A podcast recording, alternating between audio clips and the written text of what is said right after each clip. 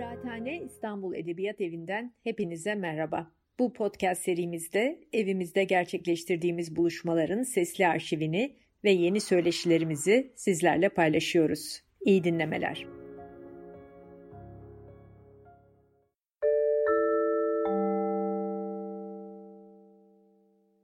Modernizm ve modernite konulu konuşmalarımızın üçüncüsünde önceden duyurduğumuz gibi sanattan söz edeceğim.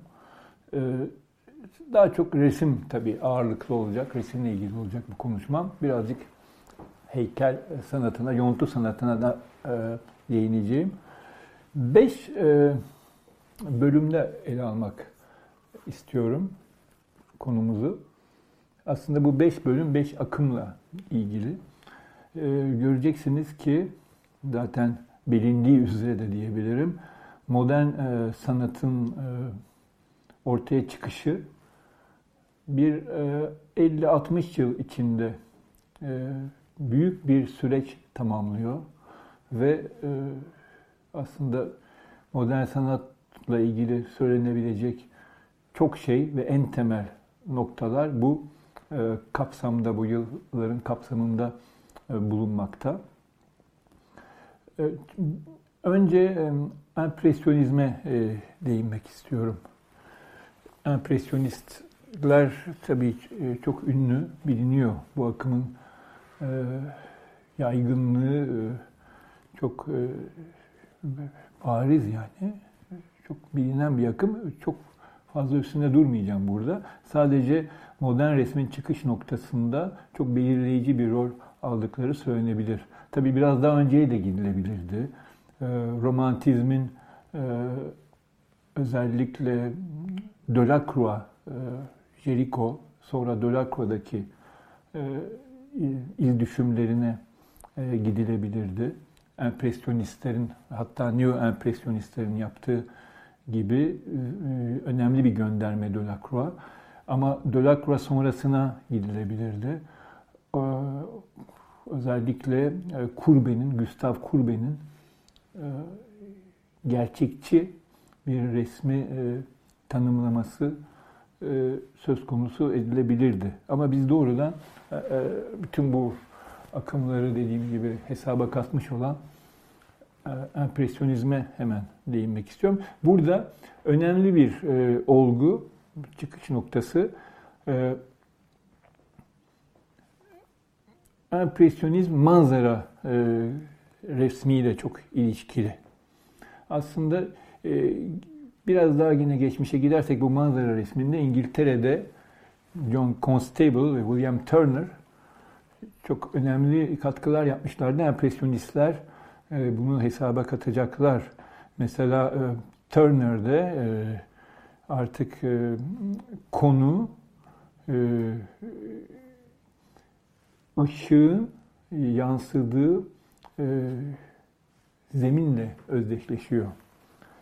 Yani ışık burada çok öne çıktığı söylenebilir ve formların tabii bir bulandığı bir e, bir, bir e, dönem aslında Turner'in resminin dönemi. E, Delacroix'ın e, aslında bir katkısı da e, ki Venediklileri çok yani Rönesans Venediklilerini çok incelemiştir. E, rengin e, öne çıkması ve rengin bölünme e, yasalarını yani birazdan değineceğim, daha etraflıca değineceğim komplementerler, tamamlayıcı renkler ve kontrastlarla ilgili yasaları e, henüz bilimsel olmadan e, sezinlemiş olması Delacroix'un büyük katkısı. E, Koro da var burada, Kurbe de var. Koro açık hava resmini e, öne çıkarıyor. Ama e, Barbizon ekolü denilen bir ekolün de burada e, manzara resminde dolayısıyla empresyonistler üstünde büyük etkisi var. Barbizon ekolünde biliyorsunuz e, e, Mille, Rus, e, e Rousseau, Theodore Rousseau, Daubigny, Diaz gibi ressamlar vardı. E, İki ressam daha burada belki anılabilir. Ee, çok isimle boğmak istemiyorum. Onlar da böyle deniz resimlerinde e, büyük usta olan 19. yüzyılın ortalarında iki ressam bu denli John King. John King Hollanda asıllı bir ressam. Ama Fransa'da yaşıyor. Burada bir icadın rolünden söz etmek lazım. O da fotoğraf, fotoğrafın Niepce tarafından biliyorsunuz icat ediliyor. Ondan sonra aslında e, fotoğrafın ortaya çıkardığı e, olgu, e, manzara ile ilgili olgu, manzaranın artık e, düzlemlere yani plan dediğimize planlara, düzlemlere ve kütlelere indirgenmesi. Yani onu ortaya koyuyor ilk bakışta hemen bir e, manzara fotoğrafı. Ondan sonra bu bu e, önemli bir e, etki e, yaratmıştır aslında. Şimdi buna bağlı olarak da e, bir kimyacı olan e, e, resimle ilgili, renklerle ilgili keşiflerinin burada önemi vardır. Onun 1864'te yayınlanmış uzun başlıklı bir eseri var. De la loi du contraste simultané des couleurs falan diye başlıyor. Yani renklerin eş zamanlı kontrastının e, e, yasası diye başlayan bir kitap. Burada bu kitabın teorileri çok önemli. Çünkü burada empresyonistlerin ve özellikle onlardan sonraki neo-empresyonistlerin dayanacakları bir takım yasalar ortaya çıkacak. Ee, bunlar e, isterseniz yani burada e, bu tamamlayıcı renkleri biraz detaylı, teknik olarak e, açıklamaya çalışayım. Nedir aslında tamamlayıcı renkler? Genel komplementerler dedikleri genel olarak karışımları beyaz hissini üreten renkler. Şimdi buradaki kuralları şöyle açıklayabiliriz. İki tamamlayıcı rengin yani birbirini tamamlayan rengin Bunlar birincil, primer renk ve ikinci renk diye ayrılıyor. Pigmentsel karışımı pratikte beyaz vermiyor, pis ya da kırık bir ton veriyor. Güneş spektrumunun üç doğrucu ya da temel rengi mavi, sarı ve kırmızı. Bunlar tamamlayıcı olarak birleşik dediğimiz, kompoze dediğimiz ya da ikincil dediğimiz, biner dediğimiz renklere sahip. Bu, bu renklerde turuncumsu, oranje dedikleri yani turuncu da diyebiliriz, mor, viyole dedikleri ve yeşil. Bunlar birazdan açıklayacağım üzere temel renklerin ikişer ikişer karışımından ileri gelmekte. Durum şöyle. Mavi artı sarı karışımı yeşil veriyor. Yeşil ise kırmızı renginin tamamlayıcısı. Mavi artı kırmızı karışımı mor veriyor. Bu da sarının tamamlayıcısı. Kırmızı artı sarı karışımı ise turuncumsu rengi veriyor. Bu da mavinin tamamlayıcısı. Bir renk buna göre tamamlayıcısının optik yakınlığıyla bir e, şekilde coşar, egzalte olur. Ee, bu kural şöyle e, daha e, netleştirilebilir. Ee, yan yana gelen herhangi iki rengin her biri diğerinin tamamlayıcısı ile zenginleşir. Ve son olarak da eğer yakınlaşmış iki renk sıcak renkler ise bir kırmızı ile bir turuncumsu örneğin bunların karşılıklı tamamlayıcıları tarafından getirilen renklenme bunları soğutur. Şimdi bu kurallar tabii çok hani bilimsel e, bir açıklamayla burada sunduk. Bu kurallar e, bu kitap aslında hep okumuşlar e, bu ressamlar ve bu kuralları uygulamaya başlıyorlar, başlayacaklar. Ve rengin bu sefer ne kadar önem kazandığını ama manzara resmi ağırlıklı bir resimde önem kazandığını göreceğiz. E, ünlü e, empresyonistler burada çok çabuk anlamamız gerekirse 1809 e, 1830 doğumlu Camille Pissarro ondan sonra Degas 34 doğumlu, Sisley 39 doğumlu, ondan sonra Monet 1840 doğumlu, Guillaume 41 doğumlu. Bu, bu akıma tabii Cezanne'ı da alabiliriz ama belli tabii çekincelerle ve o bu akımla özdeşleşmeyecek bir ressam çünkü aşacak etkisi de bu akımı aşacak bir ressam. 1839 doğumlu. Bir de çok kilit bir, çok önemli bir ressam var. Bu akımla birlikte anılmış ama e, tam olarak bu akıma girmiyor. E, ama modern resmin e, ortaya çıkışında çok büyük önemi olan e, Manet. 1832 doğumlu. E, Manet'in özellikle iki tablosu sonradan empresyonist diyeceğimiz ressamlar üstünde etkili olmuş. Bu e, 1863'te sergilenen Müzik au Tuileries, Tuileries e, Sarayı bahçelerinde müzik tablosu. Aynı yıl 15 Mayıs tarihi çok önemli modern resmin tarihinde. Çimler üstünde e, kahvaltı ya da yemek e, diye çevirebileceğimiz bugün Müze d'Orsay'da olan Déjeuner sur l'herbe resmi e, bir skandal yaratacak. Konusuyla ilgili bir skandal. Ama burada yepyeni aslında bir resim anlayışının ilk ilk belirtileri karşımıza çıkıyor, ilk işaretleri karşımıza çıkıyor diyebiliriz. Bunu zaten empresyonistler hemen değerlendireceklerdir ve onların resmiyle ilgili söyleyeceklerimizde birazcık bu resmi de açıklamış olacağız. O yüzden çok fazla üstünde durmuyorum. Şimdi Monet hemen ortaya çıkan isim burada. Açık havada resimini yapıyor arkadaşlarıyla birlikte. Fontainebleau ormanlarına gidiyorlar 1863'ten itibaren. Ondan sonra yanına yanında Renoir da var. Bu ikisi orada gidiyor.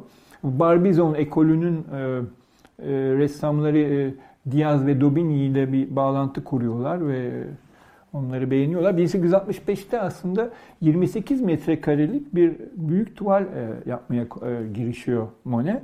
Aslında onun da adı e, kimlerde e, kahvaltı yani Manet'in e, iki yıl önceki resmini aslında e, şey yapıyor e, tekrarlıyor tekrarlamak istiyor kendi tarzında kocaman e, bir tuval bu. O bitmemiş bir tuval. Sonra bunu parçalara bölecek. Parçaları da bugün aslında Orsay Müzesi'nde sergileniyor. E, yani burada Manet'in ne kısa etkili olduğunu e, anlayabiliriz. Manet'in etkisinde tabii şu var, o Dejeuner sur resmi. Ee, ışık çok öne çıkıyor, doğal e, bir ortam öne çıkıyor. Ee, perspektife o kadar e, akademik resimdeki gibi önem verilmemiş durumda. Ondan sonra ve bir şekilde bir çeşit provokasyon da var aslında hmm, e, resimde konu itibarıyla bir çıplak model giyinik bir, bir birkaç erkeğin yanında oturuyor. Konusu itibariyle de tabii biraz provokatif bir eser sayılabilir. Şimdi Renoir'da Monet'den farklı olarak ne var diyeceksiniz.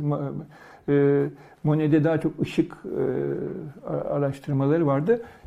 Renoir yoğunluk araştırmalarıyla öne çıkıyor aslında. Yani aslında bu Monet Renoir dostluğu empresyonizmin kurucu dostluğu diyebiliriz yani. Ee, Renoir demin söz ettiğimiz komplementerlerin yani tamamlayıcıların sistematik aslında bir e, e, kullanışı, kullanımını e, gerçekleştiriyor. Ondan sonra e, fırça darbesi Renoir'ın e, Monet'inki e, ne aslında e, takip ediyor? Yani Monet'in fırça darbesi aslında e, ince ince e, e, fırça darbesi, ince fırça darbeleri e, ondan sonra. Ama Renoir Monet'e göre daha böyle hacim meraklısı, hacimlerle ilgileniyor. Bir de e, Renoir'da ortaya çıkan bir nokta da aslında insan figürünü hiçbir psikolojik e, tahlile falan gerek duymadan e, motif olarak kullanıyor. Yani manzaranın bir motifi olarak kullanıyor. Burada mesela e, Moulin de la Galette balosu resmi 1875-1876'da yaptığı e, salıncak, Montmartre e, resimleri anılabilir. Orijinal bir e, figür kullanımı burada söz konusu. E, iki başka ressam var tabii. Bunların üstünde daha az duruyorum şurada. E, Pissarro ve Sisley. Bunların da çok önemli e, katkıları e, var. E, Pissarro da e, şey kurallı böyle daha kendinden emin kesin bir resim yapıyor. E, Sisle daha şiirsel diyebiliriz. Sisle çok kısaca bunları belirtmemiz için. Pissarro'nun şöyle bir etkisi var. 1872 ile 1873 arası Paul Cézanne onun yanına geliyor ve onun yanında çalışıyor Pontoise'da. Bu önemli bir olay çünkü Cézanne'ın o zamana kadar böyle daha alegorik olan e, ve edebi aslında maksatlı olan resmi daha çok bu sefer te, e, empresyonizme yakınlaşıyor ve tekniği aslında e, değiş, değişiyor e, bu yakınlıktan. Çok önemli bir etkisi olmuş Pissarro'nun Sezan üstüne. Ondan sonra ve Sezan'ın o zaman yaptığı ünlü resimlerden mesela Asılmış Adamın Evi, e, bugün Orsay Müzesi'ndeki ya da Doktor Gaşen'in evi bu e, ilk defa aslında böyle hafiflemiş bir ustalık sergi, sergiliyor tekniğinde e, e, Sezan. Bir ressamı daha burada anmamız gerekiyor. O da Degas. Degas e, üçüncü büyük isim gibi aslında bu dönemin bu empresyonizmin kurucu isimleri içinde. E, yani e, Monet, Renoir ve Degas diyebiliriz. Degas aslında gündelik hayata tamamen yöneliyor. Ama farklı bir e, farklı çalışma yöntemleri var. Mesela açık havadan biraz hani açık havaya karşı mesafeli, açık havada çalışmıyor ve hayal gücünün haklarını daha çok savunuyor resimde. E, aslında gerçekliği çok böyle e, ayrıntılı olarak inceleyip takım taslaklar çizerek gerçek hayatta bunları atölyede geliştiriyor ama sonuç olarak da bu gündelik hayatın gerçekliğini, bütün canlılığını veren resimler ortaya koymuş oluyor. Ondan sonra genelde onda kontrastlar var. Aydınlık, karanlık kontrastları, yarı yarım renkler, demi-tent dediklerimiz yarım yarım tentler var. Ondan sonra e, belirsiz e, ışıklar, aydınlatmalar söz konusu. Böylece tek bir nesne için değişik e, e, şiddetler, yeğenlikler e, e, oluşturuyor bir resminde. Kadraj ve aslında e, mizampaj dediğimiz yani yerleştirme, nesneleri, şekilleri yerleştirme bir tuvalin çerçevesinin içinde yerleştirme anlayışı da aslında uzak doğudan etkileniyor. Uzak doğu tarzında o zaman zaten bütün bu ressamlar üstünde Japon estamplarının, Hiroshi Hokusai'nin estamplarının büyük etkisi var. Bunu da burada belirtelim.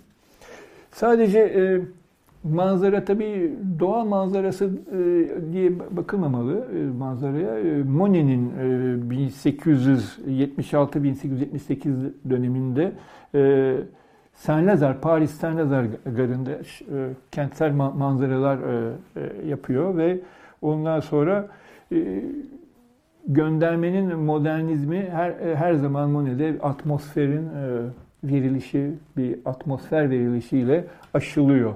E, Manet de tabii bu dönemler e, Paris sahneleri yapıyor.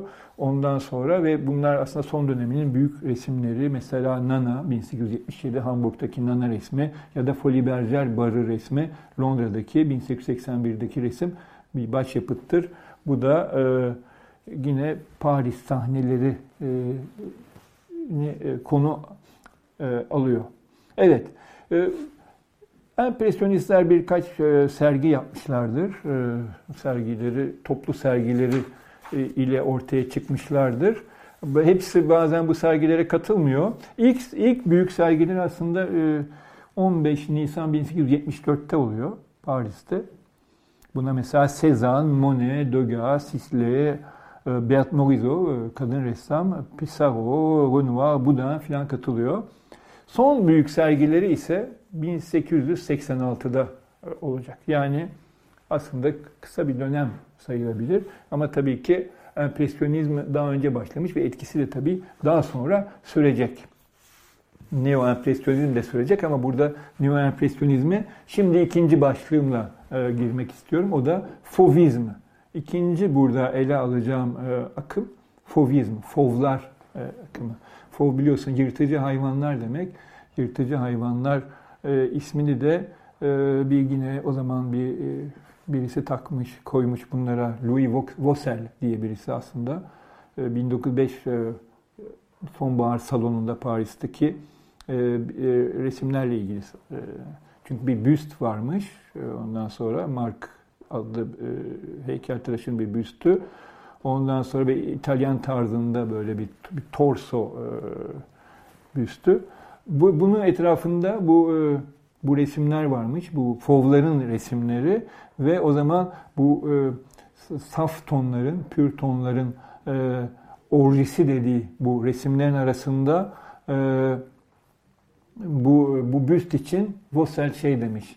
E, Donatello yani Orta Çağ'ın sonunun büyük İtalyan heykel, heykeltıraşı fovların arasında, yırtıcı hayvanlar.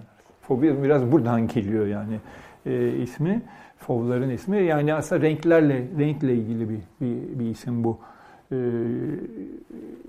daha çok yani. Ondan sonra bir kimler bunlar tabii bir, birkaç ressam burada tabii ortaya çıkıyor. Yani o zamanki mesela o, o Fovların e, kafesi dediği yerde e, yazarın e, Camoin, Flandrin, Matisse, Marquet, Rouault e, onların eserleri var. E, yan salonda Dörin, Van Dongen, e, Vlamenck e, gibi yazarlar var. Sonra birkaç ressam daha var burada. Ama fovlar arasında e, sonradan anlayacağımız bırak ve düfi yok. E, aslında fovizm diyeceğimiz akım çok böyle yani teorileş, teorileştirilmemiş bir akımdır. Ya da daha sonra belki Georges Dupuy gibi eleştirmenlerle şeyin damadı olan, Matisse'in damadı olan çalışmalarında ve bugünümüzde mesela bir Remy Labrouche'un, e, Fransız sanat tarihçisinin e, e, üstünde durduğu, kavramsal açıdan üstünde durduğu bir akım. Ama aslında o çıktığında öyle bir kavramsallığı yok bu akımın. Ondan sonra yani ortak aslında arayışı, birkaç resmin ortak arayışını burada belirtiyor bu akım adı. Ondan sonra yani aslında gerçek bir estetik hareket, yani programı olan gerçek bir estetik hareket değil. Yani soyut sanatta göreceğimiz gibi bir şey değil mesela. Yani ya da fütürizmde göreceğimiz gibi bir, bir akım değil. Yani ondan sonra e, burada Fovların yaptığı tuvallerin özelliklerini burada anmamız gerekiyorsa şunu diyebiliriz. Saf rengin, couleur pur'ün demin komplementerler teorisi burada tamamen geçerli. Saf renklerin e, e, bir coşturulması, coşkusu ortaya çık çıkması, öne öne çıkarılması. Ondan perspektifin ve aslında san, e, klasik sanatın değerlerinin dışlanması. Bu da çok önemli bir nokta. Ondan sonra ama aynı zamanda empresyonist ışık ve doğacılığın reddi. Bu çok önemli bir, bir aşama aslında yani e, isimde. Böylece e, bazı etkileri de burada an, anmalıyız fovizmle ilgili. Aslında üç tane üç, e, etki ve bunların oluşturduğu gelenek birleşiyor aslında fovizme diyebiliriz. Biri Gauguin, biri neo-empresyonizm, biri de Van Gogh. Şimdi biraz birazcık bunlar üstünde durursak önce Gauguin'i burada anmalıyız. Ee, e, Gauguin'in etkisini e, söyleyebiliriz. E, ondan sonra yani 1890'larda falan başlıyor bu aslında resimde etkisi e, Gauguin'in. Ondan sonra bu, burada e, Gauguin'in e, cloisonizm denilen yani bölmelere ayırmayı ayırması resmi tarzı e, e, ve aslında e, rengi böyle tek renkli yüzeyler halinde tek renkli hiç bir değişikliğe uğramayan tek renkli yüzeyler halinde kullanılması, yani apla dedikleri o teknik dilde kullanması etkili oluyor diyebiliriz. Ya da rengi arabesklerle çevrili olarak kullanıyor e, burada. Bir süsleme e, tarzında e, kullanıyor. E, etrafında yani süslemeler içeriyor renk renkler. Ondan sonra e, boyalama tarzı da e, Gauguin'in e, böyle bir keyfilik, şiirsel bir keyfilik içeriyor diyebiliriz genelde de şu da etkili olmuştur. Böyle cennetsel edenik dediğimiz temalara e, bir e, göndermesi etkili olmuştur. Mesela ünlü Matisse'in e, Barnes Foundation'ındaki Yaşama Sevinci tuvali 1905-1906 bu tarzı gösteriyor. Fovizmin en önemli eserlerinden biridir. Neo-empresyonizmin etkisi bu sefer ikinci etki olarak karşımıza çıkıyor. Burada tabi e, Söra'nın e, şiirsel matematik e, divizyonizmi bölmeciliğinden çok e, burada divizyonizmi de bölmecilik diye çeviriyorum. Aslında burada tabi tamamen bir e, özel bir teori bu. E, şeyin klozonizminden farklı. Yani Türkçe'de yani aynı sözcükle çevirdim ama burada divizyonizm yani başka bir e, başlı başına bir e, sanat e, kuramı Söra'nın ortaya koydu.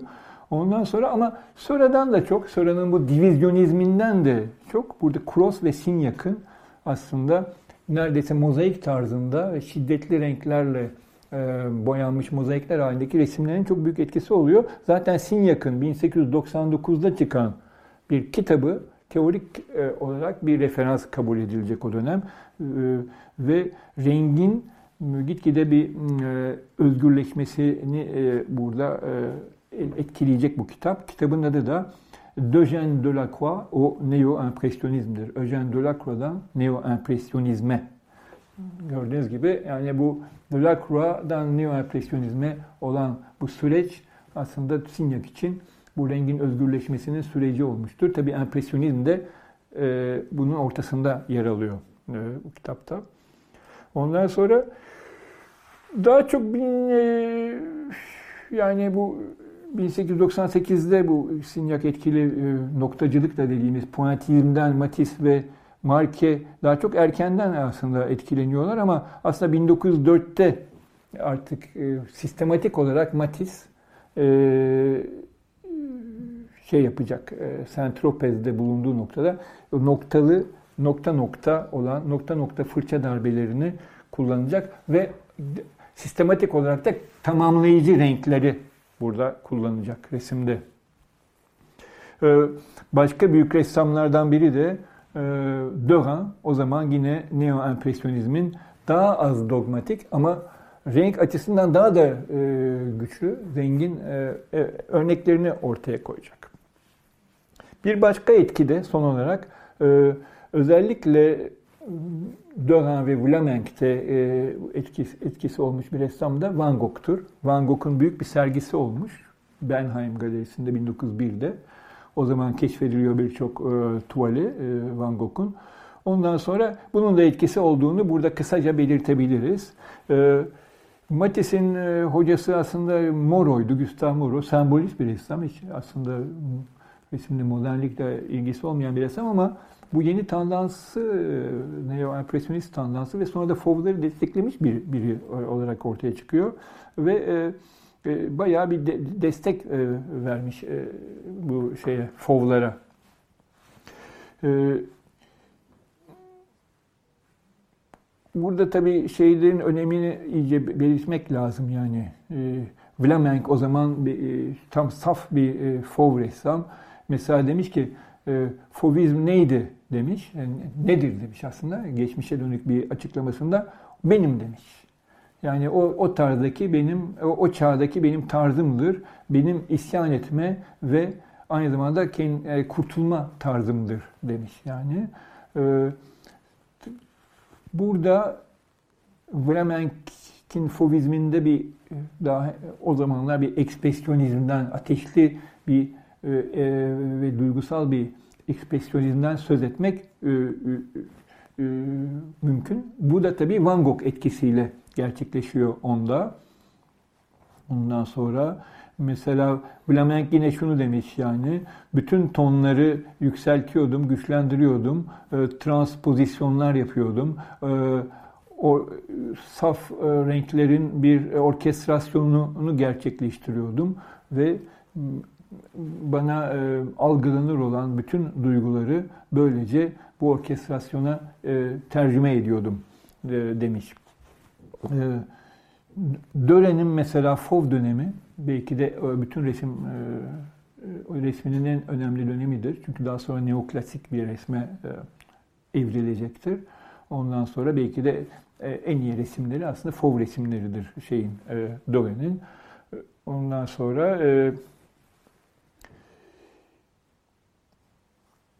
Matisse tekrar dönecek olursak başat ressamı Fauvizmin 1905'teki neo-empresyonist işte aşamasından hemen sonra saf rengin olanaklarının metodik yani aslında sistematik demek lazım bir deneylemesine girişiyor.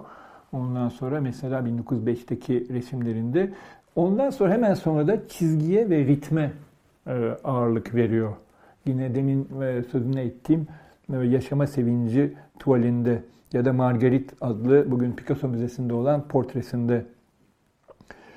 Dekoratif bir anlayış burada söz konusu. E, Raoul Dufy ve Albert Marquet'de de bu var ondan sonra. Ama onlar geleneksel renge biraz daha saygı gösteriyorlar. Onun için de onlar için şey denilmiştir. Empresyonist fovlar bunlar denilmiştir. Burada şuna da hemen dikkat edelim. Matisse Vlamenk ee, için de geçerli. Ee, hatta belki dönem için de ee, hem Afrika sanatında o zaman keşfettikleri Afrika e, et, et, etnografi müzesinde keşfettikleri o e, maskelerden, heykellerden etkilenmiş. Sonra Picasso'da da bunların etkisi olacak. Hem de aslında özellikle Matisse e, Müslüman İslam sanatından etkilenecek. Özellikle İran minyatürlerinden hatta İznik e, Çinlilerinden etkilenen ilk ilk Batı sanatçısı diyebiliriz. E, Fauvizmin şöyle de önemli bir etkisi var. Çünkü soyut sanatın da aslında kökeninde saymak olanaklı. Ama ona sonra değineceğim. Bir e, uluslararası yayılımı olmuş e, Fauvizmin. E, önce e, Dresden'de Die Brücke e, hareketinde, ondan sonra da e, Blau Reiter'de Münih'te e, e, bir hareketinde, mavi atlı hareketinde bir etkisi var, büyük etkisi var diyebiliriz yani. Bundan sonra kısaca özetleyecek olursak saf renk, fırça darbesi şiddeti, yapış hızı çok önemli. Ve demin dediğim gibi Afrika ve e, İslam sanatının etkileri burada e, öne çıkıyor. Ama hemen sonrasında bu bütün bu ressamlarda 1905'ten e, hemen sonrasında da bu aşırı özgürlüğe bir tepki oluşacak. İşte Dören'in neoklasik eğiliminden bahsettik. Ondan hatta bırak da bu akımın içinde ortaya çıkıyor. Bırak da kübizme doğru. Yani biraz daha böyle e, daha soğuk, daha böyle asetik diyebileceğimiz bir resme e, bir e, yönelim olacak. Moro'dan bahsetmiştik. Matisse'in hocasından, sembolist ressam şunu demiş ama Matisse onunla bitireyim fubizm konusunda. Siz resmi basitleştireceksiniz, yalınlaştıracaksınız. Bir övgü aslında diye ve bu görüşü de aslında gerçekleşti. Üçüncü akımdan söz edeceğim şimdi. Kübizmden. Picasso demiş ki e, Biz e, kübizme başladığımızda kübizm yapma amacımız yoktu aslında.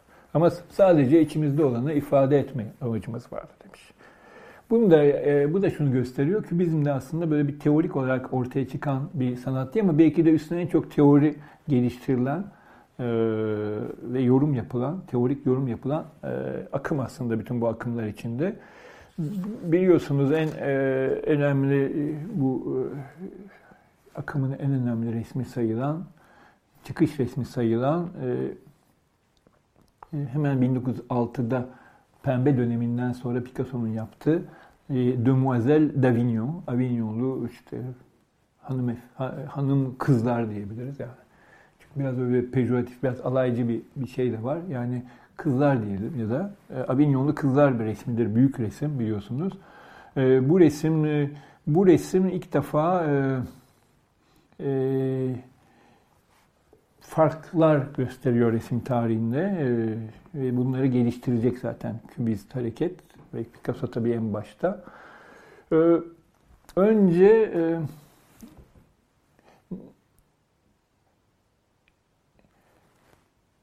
pembe dönemdeki resimlerine bakarsak Picasso'nun onlarda mesela hacim e, taklidi yoktu. Modle dediğimiz e, hacim taklidine yarayan yöntem yoktu.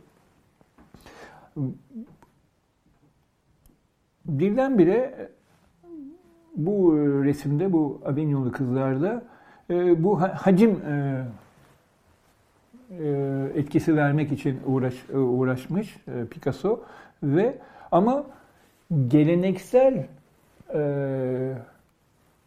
ışık karanlık oyununa başvurmadan bunu yapmaya çalışmış. Böylece nasıl yapmış? Birkaç denemeden sonra özellikle resmin sağındaki iki figürde bunlar ortaya çıkıyor. Ondan sonra birbirine paralel uzun renk çizgileri oluşturmuş. Aslında bitmemiş bir eserdir bu. Çünkü bu iki figürle öbürü soldaki üç figür arasında bir teknik fark var. Bu ikisi ikisi öbürlerine göre çok daha modern görünüyor. Yani. Burada aynı dönemde e, Apollinaire, şair Apollinaire e, George Braque'ı aslında genç Fauve ressamı e, Picasso ile tanıştırıp e, az sonra e, zaten bundan az sonra Braque da kübist akıma katılacak. Yani burada nasıl Fauvizmden bir geçişlilik olduğunu görüyoruz aslında şeye e, kübizme bazı ressamlarda.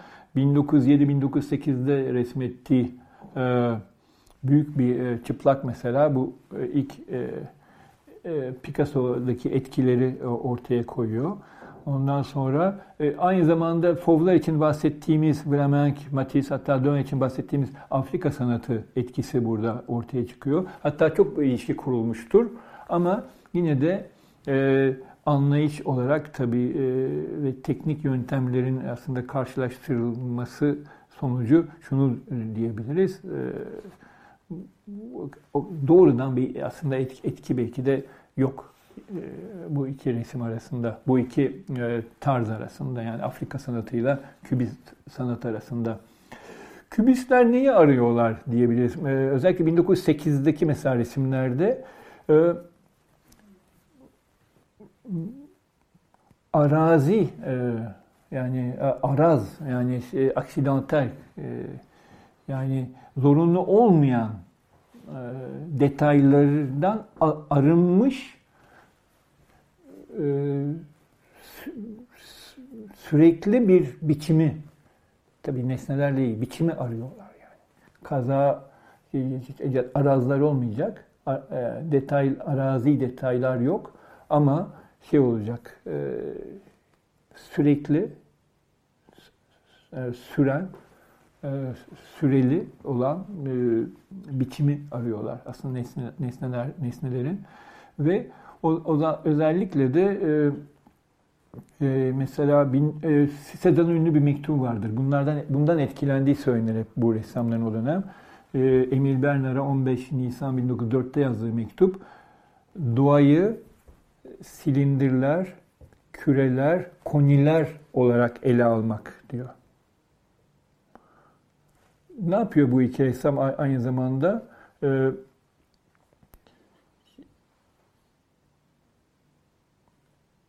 yani doğadan bir uzaklaşma var aslında. Mesela e, o zaman yaptıkları e, resimlerde manzara bile olsa e, ufuk çizgisini yukarı alıyorlar. Ondan sonra yani hiçbir atmosfer verme e, empresyonistler tarzında bir atmosfer verme girişiminde bulunmuyorlar. Aydınlatmayı e, gerçekçi olmaktan çok ideal bir e, e, açık karanlık e, oyununa indirgiyorlar.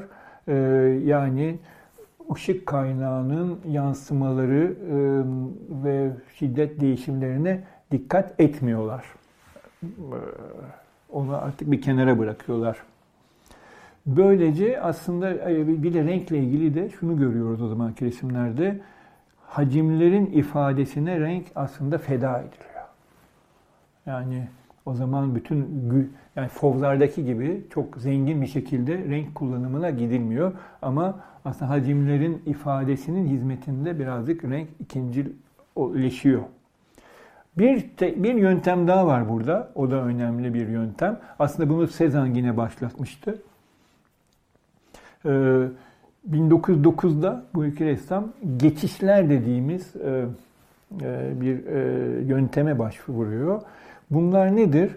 Kontur çizgisinin aralıklarla e, kesilmesi, durması, yok gösterilmemesi. E, burada o zaman artık e, çizgisel temsil ile renkli temsil arasında birbirine değme noktaları söz konusu olmuyor. Ama ışık ve karanlığın fazla e, devamlı e, etkileri aslında e, hafifletiliyor. Hafifletiliyor. E, neyle hafifletiliyor? E, hacimlerin hacimlerin e, kesin e, köşelerinin, sivri köşelerinin e, aydınlık karanlığıyla e, hafifletiliyor. Böylece aynı zamanda Picasso büyük hacimleri e, parçalamaya başlıyor, bölmeye başlıyor ve böylece de e, daha küçük hacimler elde ediyor. Ondan sonra ve o zaman da temsil edilen e, nesnelerin aydınlatmasını e, istediği gibi e, farklandırabiliyor. Böylece hacimlerin e, etkisi, e, incelemesi, pardon, e, yerini düzlemlerin incelemesine bırakacak yavaş yavaş kübizmde. Yani hacimler bir tarafa bırakılıp aslında düzlemler, planlar öne çıkarılacak. Böylece planlar da e, yine bu e, clair obscur oyununu e, yani renk gölge oyununu, ışık gölge oyununu e, birazcık e, ikinci plana atacak ve e, yani sınırlandıracak ve nesnenin hakikatini e, daha çok e, öne çıkaracak. Daha e, hakim olunmuş aydınlatmalar burada söz konusu olacak. Ama bu bir teknikten bir tekniğe geçiş yani hacimlerden plan e, tekniğine geçiş e, böyle çok net bir şekilde ortaya çıkmıyor. Yani yavaş yavaş böyle biraz e, belli belirsiz ortaya çıkıyor. Böylece iki tane aslında ana, e, kübizm dönemi e, burada ay, ayırabilmeye başlıyoruz o dönemden itibaren. Yani 1910'dan itibaren. Birincisine analitik kübizm denmiştir. Analitik kübizm dönemi. Yani bu 1910 perspektifin yani Alberti'nin e, Rönesans dönemin öncesi şey yaptığı, e, Rönesans'ta yaptığı e, e, açık e, belirlenimi e, ne kaybediyor. Yani e, perspektif perspektif aslında e, Rönesans perspektifi, Alberti perspektifi terk ediliyor diyebiliriz aslında. Ondan sonra e, nesnelerin e, bakış açılarını açılarını çoğaltmak öne çıkıyor. Böylece yeni nesnenin yeni bir temsili söz konusu oluyor. Daha e, tamam ve daha düşünülmüş, daha e, rezone, ak, ak, akıllı, ak, ak, akli bir e, temsili söz konusu oluyor. E, evet planlar öne çıkıyor, volüm parçalanıyor, e, pat, yani ortadan e, bölünüyor diyebiliriz, parçalanıyor. Ondan sonra ve e, böylece perspektiften e, tamamen kurtulmuş oluyor. Bu çok önemli bir aşaması kübizmin. Ondan sonra planların burada bağımsızlığı yani yani aslında planlar bir hacimden e, e, çıkarılıyor ve böylece bir bağımsızlık kazan, kazanıyorlar aslında ve e, burada tabii bir çeşit hermetizm sorunu çıkıyor yani aslında seyirci onları artık tanımakta e, ve e, akli olarak aslında tekrar oluşturmakta zorlanmaya başlıyor burada. Ondan sonra e, özellikle kontur çizgileriyle planların kenarlarında olan çizgiler arasındaki ayrımı her zaman yapmak kolay değil. Çünkü aslında bu konuda renkte hiçbir açıklama vermiyor bu resimlerde. Başka bir e, yöntem aslında burada başka bir e, çizgi, e, e, yönelim bu bunu birazcık azaltacak. E, teknikleri konusunda ustalaştıkça ondan sonra e, bu ressamlar e, artık planları doğal çevrelerinden koparmayacaklar ama ele alınmış nesnelerin en e, anlamlı e, yönlerini vermeye başlayacaklar. Mesela bir şişeyi e, dikey kesiti ve e, yatay kesitiyle e, verecekler. Ondan sonra e, bazen tek bir e, yönünü vermek bile yetecek. Mesela e, kemanın mesela e, o delinmiş e, kulakları dediğimiz e, bölümünü vererek e, ya da e, ucunu vererek kemanı mesela çağrıştırmış olacaklar.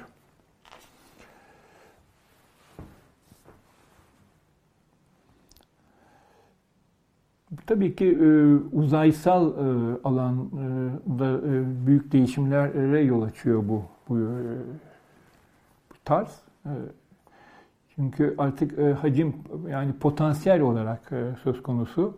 Ondan sonra e, ama aslında e, tözünü kaybetmiş bir bir hacim. Aslında madde dışılaşmış bir hacim burada söz konusu olmaya başlıyor yavaş yavaş. E, mesela bir bardak örneğinde bunu görebiliriz yani.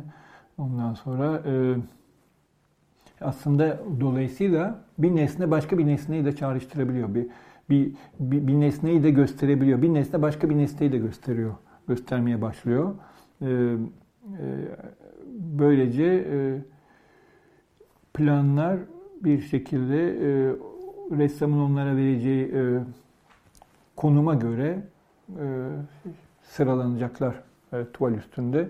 Ve o, o zaman uzay aslında e, homojenliğini böylece kaybetmiş oluyor. Aynı sebeplerden dolayı da renk e, artık formla, biçimle e, örtüşmüyor burada.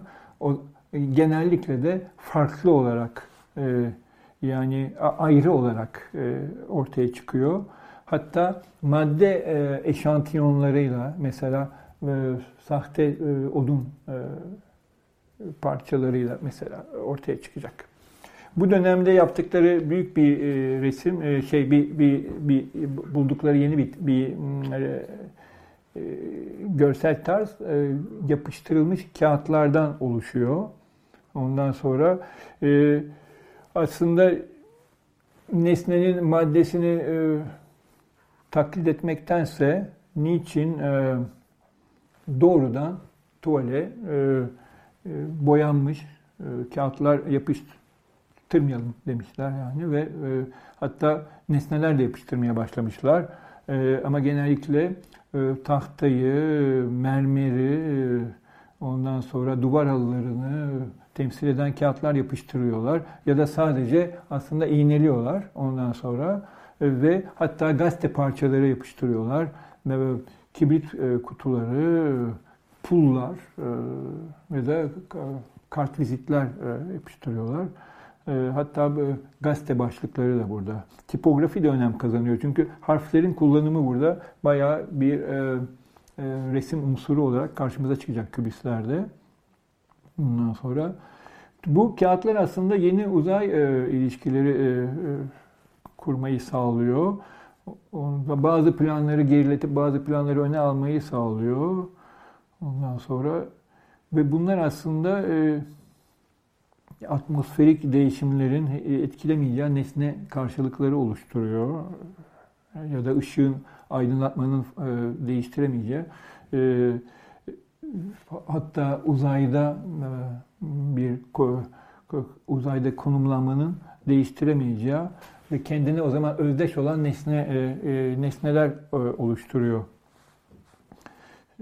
Bu, bu da bu aslında özdeşlik arayışı, özdeşlik arayışı yani değişmezlik arayışı aslında kübistlerin önemli yani bir süreklilik aslında permanans kübistlerin önemli bir yönelimi olacak. Çünkü aslında kübistler herhangi bir yani herhangi özel bir nesneyi göstermek istemiyorlar ama bir tipik e, tip olarak nesneyi göstermek istiyorlar. Yani bütün bireyleşmelerinde kendine özdeş kalacak bir e, nesnenin peşindeler. Artık o zaman e, geleneksel anlamda e, taklitsel, mimetik bir sanat aslında söz konusu değil ama yeni bir çeşit, gerçekçilik burada söz konusu. Hatta kübizmin bir çeşit epistemoloji olduğunu da belirtmişlerdir. Ee, en son bu e, tabii başka ressamlara da burada değinmek gerekiyor. Hemen özellikle e, Picasso ve Braque'dan sonra ortaya çıkan İspanyol asıllı Juan Gris çok önemli bir ressamdır ve Louis Marcusis. Bunlar bunları ikisini de çok çabuk geçtikten sonra kübizmin sonraki dönemiyle kübizm konusunda bitiriyorum. Sentetik kübizm deniyor buna. Çünkü 1913'te bir değişim daha oluyor kübizmde. Artık e, söz konusu olacak bu olan burada e, teknik değil. Teknik e, söz konusu değil ama özne ile nesnenin ilişkilerinin e, ele alınma e, tarzı e, söz konusu olacak. Yani aslında yöntem söz konusu olacak.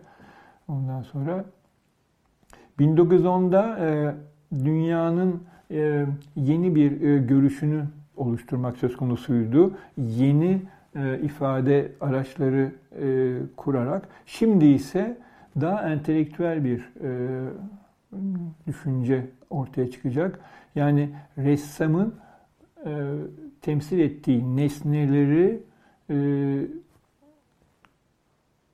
nasıl e, ele aldığı ya da onların nasıl bilincine vardığıyla ilgili olacak bu. Böylece yine yani deminki gibi bahsettiğimiz gibi yine e, yavaş yavaş oluyor. Yani büyük bir kesintiyle radikal bir geçiş olmuyor. Bu e, bu tarzda sentetik kübizm tarzına yavaş yavaş e, geç, geçiyor e, ressamlar. E, çünkü aslında şimdi şunu diyebiliriz. Analitik kübizm e, nesnenin birliğini aslında onun hakikatine e, aslında feda etmişti. Nesnenin birliği yok olmuştu aslında. Yani belki daha sadık, daha tam anlamında sadık bir e, imgesini veriyordu nesnenin ama o homojenliğini de yok ederek, onun homojenliğini yok etmek pahasına veriyordu. Böylece bu sefer onun içsel tutarlılığını, nesne içsel tutarlılığını nesneye geri vermek söz konusu olacak. Ve aslında bunu ilk anlayan da Picasso olmuştur. Ondan sonra e, o zamana kadar e, yap, yapılmış deneylerin, nesneyle ilgili deneylerin e, e, tutarlılığına, e, yani sürekliliğine e, dayanarak nesnenin e, nitelikleri arasından zihinsel seçimler yapıyordu. Oysa 1913 e, yılında e, aslında e, nesneleri e, yeniden üretmek için onları e, gözlemlemek gerekmediğini anlayacak anlıyor ve aslında nesnelerin a priori yani deney, deneyimden önceki bir e, e, çerçevede bir imgesini e, kurmanın e, mümkün olduğunu görüyor. E, mümkün olabileceğini e, anlıyor ve e, bu imgede nesnelerin özsel nitelikleri e, yer alacak.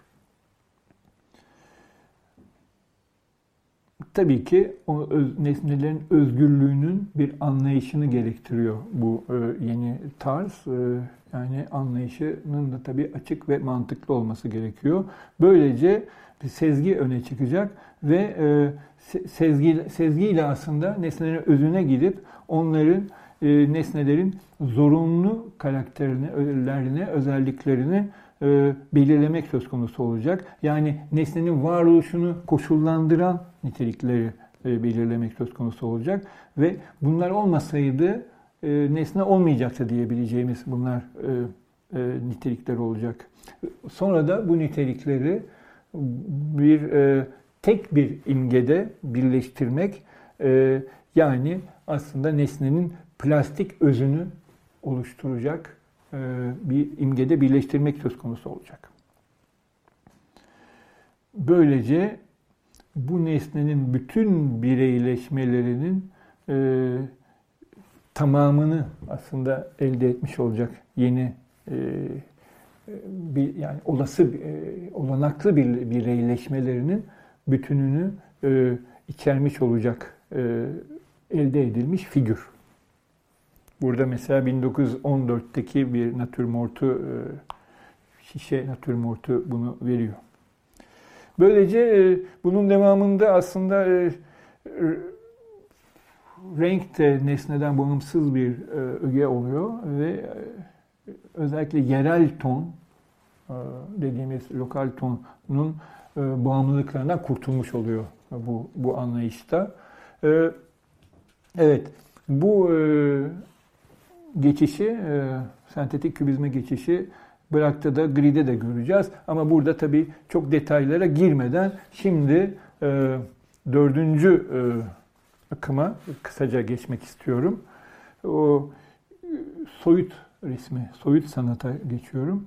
Bu aslında 1910'da belki başladığı söylenebilir. Kandinsky bir e, sulu boya yapıyor ve ilk defa dış dünyaya e, referans gönderme tamamen bilinçli olarak burada e, yok edilmiş oluyor. Bu e, bu geçiş bu bu e, atılımda e, bir kitabın etkisi olduğu söylenir. Hep o, o da Wilhelm Woringer'in e, doktora tezi e, 1908'de Bern'de e, sunduğu doktora tezi Abstraksiyon e, ve Einfühlung. Abstraksiyon ve e, yansıtma diyebiliriz aslında. Yani e, özdeşleştirici yansıtma gibi. Ona göre aslında e, bu, yani bu Einfühlung kavramında insanla dış dünya arası bir e, e, rastlaşma, bir e, birleşme söz konusu iken ondan sonra ve bu da aslında e, ruhani, ruhsal bir e, dengeyi e, ifade ediyorken e, Voringer ters bir e, ruh halini burada e, öngörüyor. O da e, anguas, anguas yani o özdeşleşmeyi, o e, e, e, ya, özdeşleştirici yansımayı e, reddeden, ondan kaçan, e, yani dünyadan kaçan bir anguas halini e, burada e, öne çıkarıyor. Ve aslında sanatta da bunun bir karşılığı var diyor Bollinger. O da aslında Kelt geleneksel sanatında, İrlanda sanatında bu bunun bir karşılığı var. Bunun bunu da şöyle açıklıyor. Soyuta bir tendans, bir yönelim. Soyutlamaya bir yani soyutlamadan bahsediyor zaten. Zaten kitabın başlığı öyle. Ee, soyutlama ve Einfühlung. Ondan sonra yani e, insan tanrıların gücü karşısında ya da kendi varoluşunun belirsizliği karşısında bir eziklik içinde ve böylece gerçeklikten kopup, kaçıp ondan sonra e, soyut formlara yöneliyor ve böylece bu e, şeyi, bu e, ezildiği güçlerden kurtulmuş olur. Böyle bir teori. E, bunun etkisi olduğu kesin yani. E, e, şey, san, e, özellikle Kandinsky'de söylenebilir. Kesin olduğu söylenebilir. O, şimdi tabii ki diğer akımların da etkisi olduğunu hiç unutmayalım. Yani aslında post empresyonistlerin o renklerle ilgili teorileri demin değindik. E, yani o zaman nesne gerçek renginden uzaklaşmış. Lokal ton hem kübizmde de gördük bunu ama daha önce fovistlerde ve neo-empresyonistlerde artık terk ediliyor. Yani yerel ton, e, atmosferler, e, yani doğal atmosferlerden bir kopuş var. Ondan sonra e, rengin kullanımı gitgide daha özgürleşiyor. E, zaten FOV'ların da büyük e, e, keşfi, büyük e, e, varış noktası o da e, salt, saf rengin aslında e, zaferiydi. Evet. Aynı zamanda resmin, e, tablonun yapısı da de, değiş, değişime uğruyor. Ondan sonra e, biçimler de değişiyor.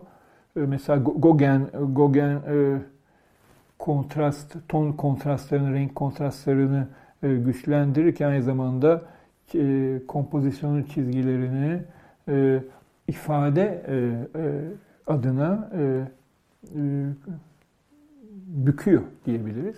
E, e, Sezan e, biçimleri arazi olandan kurtuluyor kübistlerden önce.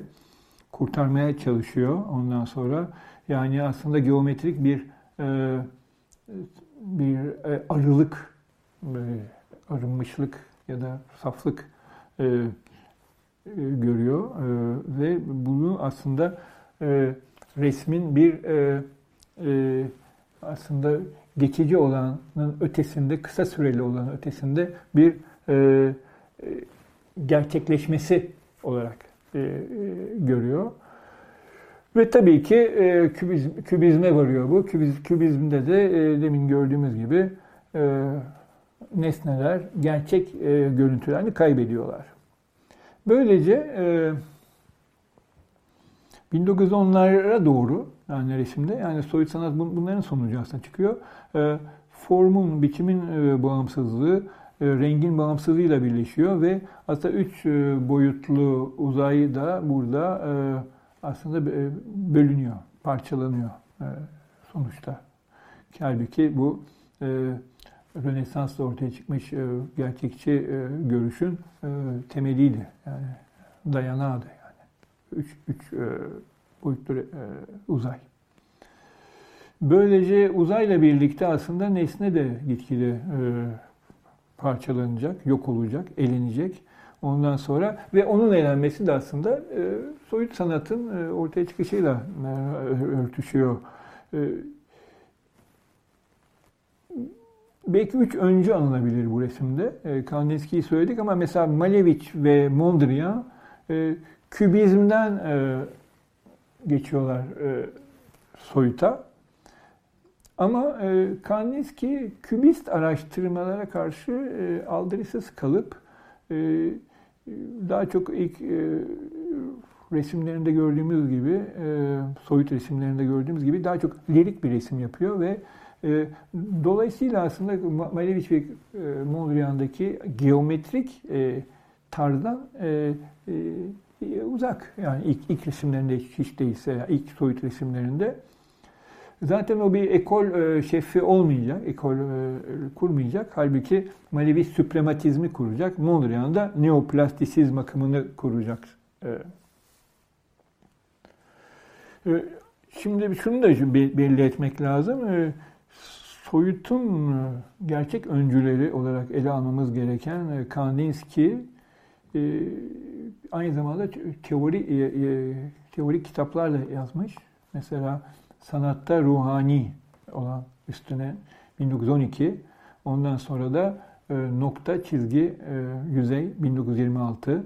Mondrian Destail dergisinde Hollanda'da 1917'den itibaren yazılar yazıyor ve Malevich'te 1927'de Dünya, Nesnesiz Dünya adlı ve e, bir deneme yazıyor. Başka denemeler de yazıyor. Burada teori çok öne çıkıyor ki bizden farklı olarak.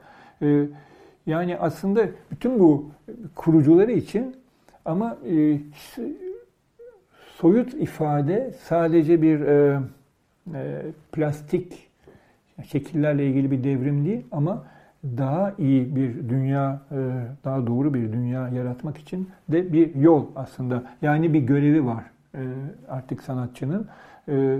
Bu aslında bu görev kavramı soyut sanatın temellerinden biri yani. E, ve avantgard e, hareketler içinde soyut sanatı ayırıyor yani. E, sonra hatta 1920'lerden sonra tam bir fenomen olmaya başlayıp soyut sanatın bütün aslında başka alanları yani mimariyi, dekorasyonu, hatta mobilya sanatını, tipografiyi, grafik sanatları etkilediğini görüyoruz. 1900 dekoru mesela bu yeni estetik tarafından iyice e, kaldırıl, ortadan kaldırılmış oluyor. E, özellikle Destail dergisi 1917-1932'de önemli bir rol oynuyor. E, Mondrian'ın teorilerine ve onun kişiliği etrafında kurulmuş bu derginin asıl yöneticisi Theo van Doesburg. Ondan sonra ve bu Avrupa'da yaptığı konferanslarla bu, bu sanatı yani soyut estetiği yayıyor. Özellikle de neoplastisizm dediği Mondrian'ın e, anlayışını yayıyor. Ondan sonra e, Rusya'da da bir etkisi olacak bu sanatın. E, özellikle de e, yani e, devrimden sonra 1917 devrimden sonra avantgard aslında e, bir dönem için, kısa bir dönem için aslında e, resmi sanat sayılacak ve böylece bir takım deneyler ortaya çıkacak. Mesela Tatlin soyut yontuyu, soyut heykel sanatını savunuyor 1914-1915 ve bundan sonra tabii konstruktivizm geliyor. E, yani yine e, heykeltıraş Gab, Gabo ve Pefner'in e, kurdukları, 1920'de kurdukları akım geliyor. Ondan sonra e, bundan başka akımlar çıkıyor. Biri, birisi bunların içinde yani iki tendans var, iki çizgi var. Yine Pefner ve Gabo saf sanatı savunurlar. Savunurlarken öbürleri de sanatçıların aslında teorik etkinlikleri bırakıp aslında sanatın sağlıklı temellerini bulmaları gerektiğini söylüyorlar. Yani rengi, çizgiyi, maddeyi ve formu e, yani aslında gerçeklik, aslında pratik inşanın gerçekliği burada. Yani Lef dergisinin mesela sayısında 1923'te Sovyet konstruktivistlerinin programında bu yer almakta. E, burada başka birisinin e, mimar ve süprematist ressam Lisitsky'nin rolü de çok önemli. Çünkü bu e, Almanya'da büyük bir etkisi olacak. E, bir sanatçı ve Malevich'in etkisini Almanya'ya getirecek bir sanatçı yani. Ondan sonra Lisitsky'nin e, etkinliği e, Van Doesburg'un ile aslında biraz kaynaşıyor ve bunların e, kişilikleri Bauhaus 1919'da kurulmuş Almanya'daki e, Weimar'da kurulmuş Bauhaus e, kurumunda, modern sanat kurumunda ortaya çıkacak. Ondan sonra yani neoplastik kesinlik, Mondrian'ın kesinliği, süprematist dinamizm bir araya geliyor burada. E, böylece tabii Bauhaus Sanat ve Mimarlık Okulu olarak e, kesin bir modernizmi savun, savunmuştur ve e, 20. yüzyılı aslında kendi üslubu hakkında e, e, bilinçlenmesi açısından çok büyük bir e, etkisi olmuştur diyebiliriz. Orada biliyorsunuz belki Kandinsky ve Klee de ders vermişlerdir. Ve böylece özellikle bütün o, zamanın mimarisi çok etkilenmiştir bu Bauhaus akımından en başta. Evet, e, böylece tabii daha başka Fransa'da da etkileri olacak, e, açılımları olacak. Robert Delaunay zaten e, bir takım soyut gelişimleri vardı, çalışmaları vardı. Daha sonra duvar resimleri de 1920'lerde aşağı yukarı duvar resimleriyle öne çıkacak. Yaptığı duvar resimleriyle. Ondan sonra başka bir e, adlandırmayı da zaten e, soyut sanatla ilgili Theo van Doesburg e, tek sayılık bir dergi e, e, e, ortaya koyuyor. Ama bunun da etkisi olmuştur. Somut sanat diyor. Yani aslında soyut sanata somut sanat diyor yani. Ondan sonra bu da anlayışını birazcık açıklamış oluyor soyut soyutların. Çok detayına giremiyoruz. Çünkü en son fütürizmi e, burada ele alacağım. E, fütürizmi e, burada e, ele aldıktan sonra da yani ne yazık ki daha çok de, detaya giremeden konuşmamızı bitirmiş olacağız. Şimdi fütürizmin, e, resmi fütürizm İtalya'da doğuyor. Şimdi demin ki ülkeleri gördük. Fransa, empresyonistler, Fovlar Fransa, Kübizmde Fransa'daki İspanyollar ama yine Fransızlar ve sonra onların tabii e, yayılması. Soyut Fransa'da bir tek belki Robert Delaunay'in e, biraz yandan bir yani ya kenardan kıyıdan bir etkisi ile e, Fransa'da ama daha çok Münih'te ondan sonra ve sonra da tabii Rusya'da ortaya çıkıyor. Sonra da Bauhaus'ta toparlanıyor. Sonra da çok çok büyük bir yayılma gösteriyor. Ondan sonra yani en büyük yayılmayı hatta soyut sanat göstermiştir diyebiliriz yani. Çünkü soyut sanat bugüne kadar sürüyor. Yani hiç unutmamak gerekiyor ve değişik değişik özellikle 1945 sonrası özellikle Amerika'da mesela değişik değişik boyutlara erişmiştir soyut sanat. Sonra Fransız Paris ekolünde yine değişik boyutlar söz konusudur ve e, hem lirik tarzıyla e, hem de geometrik tarzıyla bugüne kadar gelmiş bir sanattır. Fütürizme burada e, geçiyoruz. İtalya dedik. Resmi doğuşu 20 Şubat 1909 Paris'te Figaro'da, Figaro gazetesinde Marinetti Manifeste du Futurizmi yayınlıyor. Fütürizm manifestosunu yayınlıyor. Marinetti bir şair e, en başta ve romancı ve yazar en başta. Ama resim resimsel olarak aslında kübiz e, şey fütürizmin doğuşuna gidecek olsak daha geriye gitmek. Yani bu resmi manifestodan daha öncesine gideceğiz. Roma'ya 1904 yılına gitmeliyiz. Çünkü burada bir ressam Giacomo Balla'nın atölyesinin atölyesi çok önemli bir rol kazanacak. Yani ne, neler gerçekleşiyor Giacomo Balla'nın atölyesinde? Aslında önce yeni temalara ilgi. Yani e, güncel toplumsal konulara ilgi. Yani mesela emek konusuna, e, halk banliyölerinin yaşamı konusuna bir ilgi. Bundan sonra gerçekliğin anti-retorik ve nesnel yorumuna bir yönelim söz konusu oluyor. Yani sembolistlerin popülist ve romantik görüşünün bir aşılması söz konusu olacak.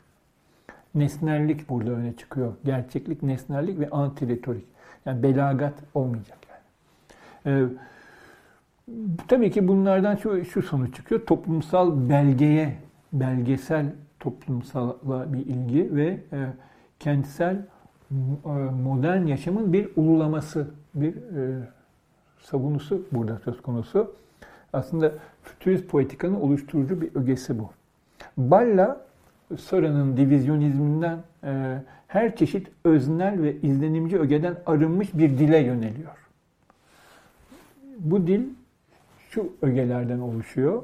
Burada e, belirtelim.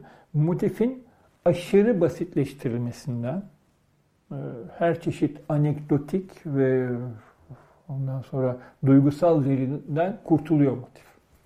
Anekdot anlatmıyor artık. Yani duygusal veri de anlatmayacak. E, imgenin e, cüretkar ve yeni e, dinamik bir değer içeren yerleştirilmesinden yani tuval tuvalin uzayındaki yerleştirilmesi imge e, dinamik bir değer içeren bir e, e, öge oluyor. E, bir e, bir tarzda e, söz konusu. E, ışığın e, yeni bir işleve kavuşması söz konusu. Işık artık ima, imada bulunmayacak. İmalarda yani sembolik bir anlam taşımayacak. İmgeyi aydınlık bir devinimde bölmenin nesnel ve zihinsel olanağı olarak duyumsanacak. 1904'ten itibaren Boccioni ve Dino Severini Balla'nın atölyesine geliyor. E, böylece ilk fütürist çekirdek kurulmuş oluyor. Başka bir öge burada e, ideolojilerden beslenme. Bu da çok önemli. Fütürizmin ilk teorik e, denemelerinin isyancı, asi ve anti-burjuva yönleri milliyetçi tavırlar ve sonra faşist rejimin resmi kültürüne bir kaymayı engellemiyor. Bu da çok ilginç bir nokta İtalyan fütürizmi için. Ee, George Sorel'in, Sorel'in teorilerinden etkilenmiş bir eylem için eylem e, mistiği hatta ortaya çıkıyor. E, estetik kahramanlık, uç bireycilik anlayışı Gabriele D'Annunzio'nun etkisiyle ortaya çıkıyor. Ondan sonra e, yeni değerler sürülmesin sür, sürülürken ortaya konan saldırganlık ve şiddet e, e, modern ve dinamik bir toplum anlayışını öngören bir e, bir tarz olarak manifestoları, fütürist manifestoları besliyor. Çok manifesto yazıyorlar. E, böylece savaşın ululaması, mesela 1911 Libya Savaşı, bunun bir örneği. Burada çok önemli yine. Dünyanın tek hijyeni diyorlar savaşa bunlar emeğin, zevkin ve ayaklanmaların devindirdiği büyük kalabalıklar dedikleri olgunun savunusu söz konusu. Evet, ee, yeni bir güzellik ile zenginleşmiş bir dünyanın e, saldırgan deviniminin övgüsü e, fütürist akımının temellerini oluşturuyor. Buna göre fütürizm aktüel uygarlığın modern ve dinamik olarak sunduğu her şeyi yüceltecek. Moderne tapınma, modernolatri diyebileceğimiz bir şey söz konusu. Bir de evrensel dinamizm kavramı. Bunlar için çok önemli bir kavram. Her çeşit, bunlar her çeşit sanatsal üretimin estetik ve etik ilkeleri olacak bundan böyle. Sanatçı ve toplum ilişkilerine e, şöyle değiniyor. İlk e, resim manifestosu fütüristlerin Şubat 1910 üslup sorunlarını ele almaktan çok bu manifesto sanatçı ile toplumun e, bağının zorunluluğunu tanımlamakta. Avantgard kavramı aslında bu anlamda siyasal bir anlam da kazanıyor. Yani bu akım ile e, kesin bir anlama bürünüyor. Avantgard, öncü, önde bulunan güç, askeri güç anlamında aslında. E, dil ve içerik anlayışı konusunda resmin teknik manifestosu adıyla hemen birincisinin ardından yayınlanan Nisan 1910'daki yayınlanan manifesto bize bir takım e, şeyler söyleyecek. E, dil ve içerik arayışını sanat yapıtıyla daha kesin bir tarzda ilişkilendirecek. Böylece yeni teorik referanslar ortaya çıkıyor. Demin söylediğimiz evrensel dinamizm, maddeyi devinimlerinde tercüme ederek ona yaşam vermek zorunluluğu, e, gerçekliğin oluşturucu ögelerinde parçalara ayrılması, dekompozisyonu içeren bir e, bir öge bu tercüme işi. Öyle ki bu parçalar güç çizgiler, öyle onların bir deyimi güç çizgiler olarak beliriyor. Güç kavramı yine çok önemli. Ondan sonra bu e, parçalara ayrılma, yani gerçekliğin bu parçalara ayrılması, onların onların e, deyimiyle cisimlerin maddeselliğini yıkarak evrenin daha tam ve dinamik bir görüşünü olanaklı kılacak. Evrensel dinamizm dedikleri hem dış gerçekliği hem de sanatçının öznerliğini böylece devreye sokmakta. 1910-1914 arası e, kesin bir poetikanın e, oluşturulmasını içeriyor fütüristler açısından. 1911'de Boccioni ruh durumları triptiğinde plastik ruh durumlarının eş zamanlılığı ilkesini gerçekleştiriyor. Ee, bunda duygulanımsal ya da zihinsel anımsama ile görülmüş nesnelerin sentezi söz konusu oluyor. Bu nesneler sanatçının zihninde bir analojiler yani benzetmeler, benzerlikler ve çağrışımlar süreci içinde bir araya geliyor. Bu eş zamanlılık ilkesi e, gerçekliği parçalara ayıran güç çizgilerin dinamizminde tercüme oluyor. 1912'de Balla e, e, yaptığı resimlerde e, gerçek e, gerçekliğin dinamik ışıksal bileşkenleri içinden parçalara ayrılmasını en uç sonuçlarına taşıyor. E, gerçekliğin figüratif olmayan bir sentezine e, gidiyor. Ondan sonra yani aslında burada soyut sanatla e, rastlaşıyor fütürist hareket 1912'de yani çok hemen iki sene sonra aslında. Yani evrenin bütün biçimlerinin ve bütün ögelerinin soyut karşılıklarını bulacağız diyor Balla. Sonra da bunları esinimizin kaprislerine göre harekete geçireceğimiz plastik toplamlar, kompleksler yani kargaşalar oluşturmak için düzene sokacağız. Düzene sokacağız ya da kombine kombinasyona sokacağız, kombine edeceğiz diyor. Evet. Şimdi fütürizmi de bitirdik. Şunu da hemen söyleyeyim. Burada tabii eksik kalan çok şey var. Biliyorsunuz burada hani modernizmin e, çıkış süreçlerini anlatıyorum ama bütün bütünüyle modernizmi anlatmak gerekecek olsaydı bütün konular için bu geçerli. Yani düşünsel konular, e, edebi konular ve sanat konuları hatta daha sonra müzik konusu içinde bugüne kadar gelmek gerekiyor. Biz sadece çıkış e, ortaya konuluş, e, tasarlanış dönemlerini anlatıyoruz. Burada e, iki akımı daha eklemek tabii ki e, doğru olacaktı. Bunlar da birbirine bağlı aslında iki akım. Dadaizm ve sürrealizm akımları. Ama mesela Dadaistlere baktığımızda mesela bir Arp'a baktığımızda ya da bir ne bileyim Picabio'ya baktığımızda bunlar aslında fütürist, soyut, kübist, akımlar arasında böyle oynamışlardır yani gidip gelmişlerdir yani özel bir bir e, görsel tarz e, çok büyük bir, bir anlamda getirmemişlerdir diyebiliriz.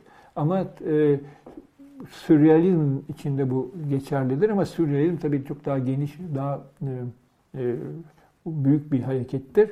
Burada tabii ki anmak gerekirdi. E, hatta tabii çok büyük ressamlar, Miro gibi, Max Ernst gibi, e, çok çok önemli hatta Magritte gibi, Dali gibi, e, hiç olmazsa bir döneminde, ilk çıkış döneminde önemli ressamları da burada tabii sürenin çerçevesinde almak doğru olurdu.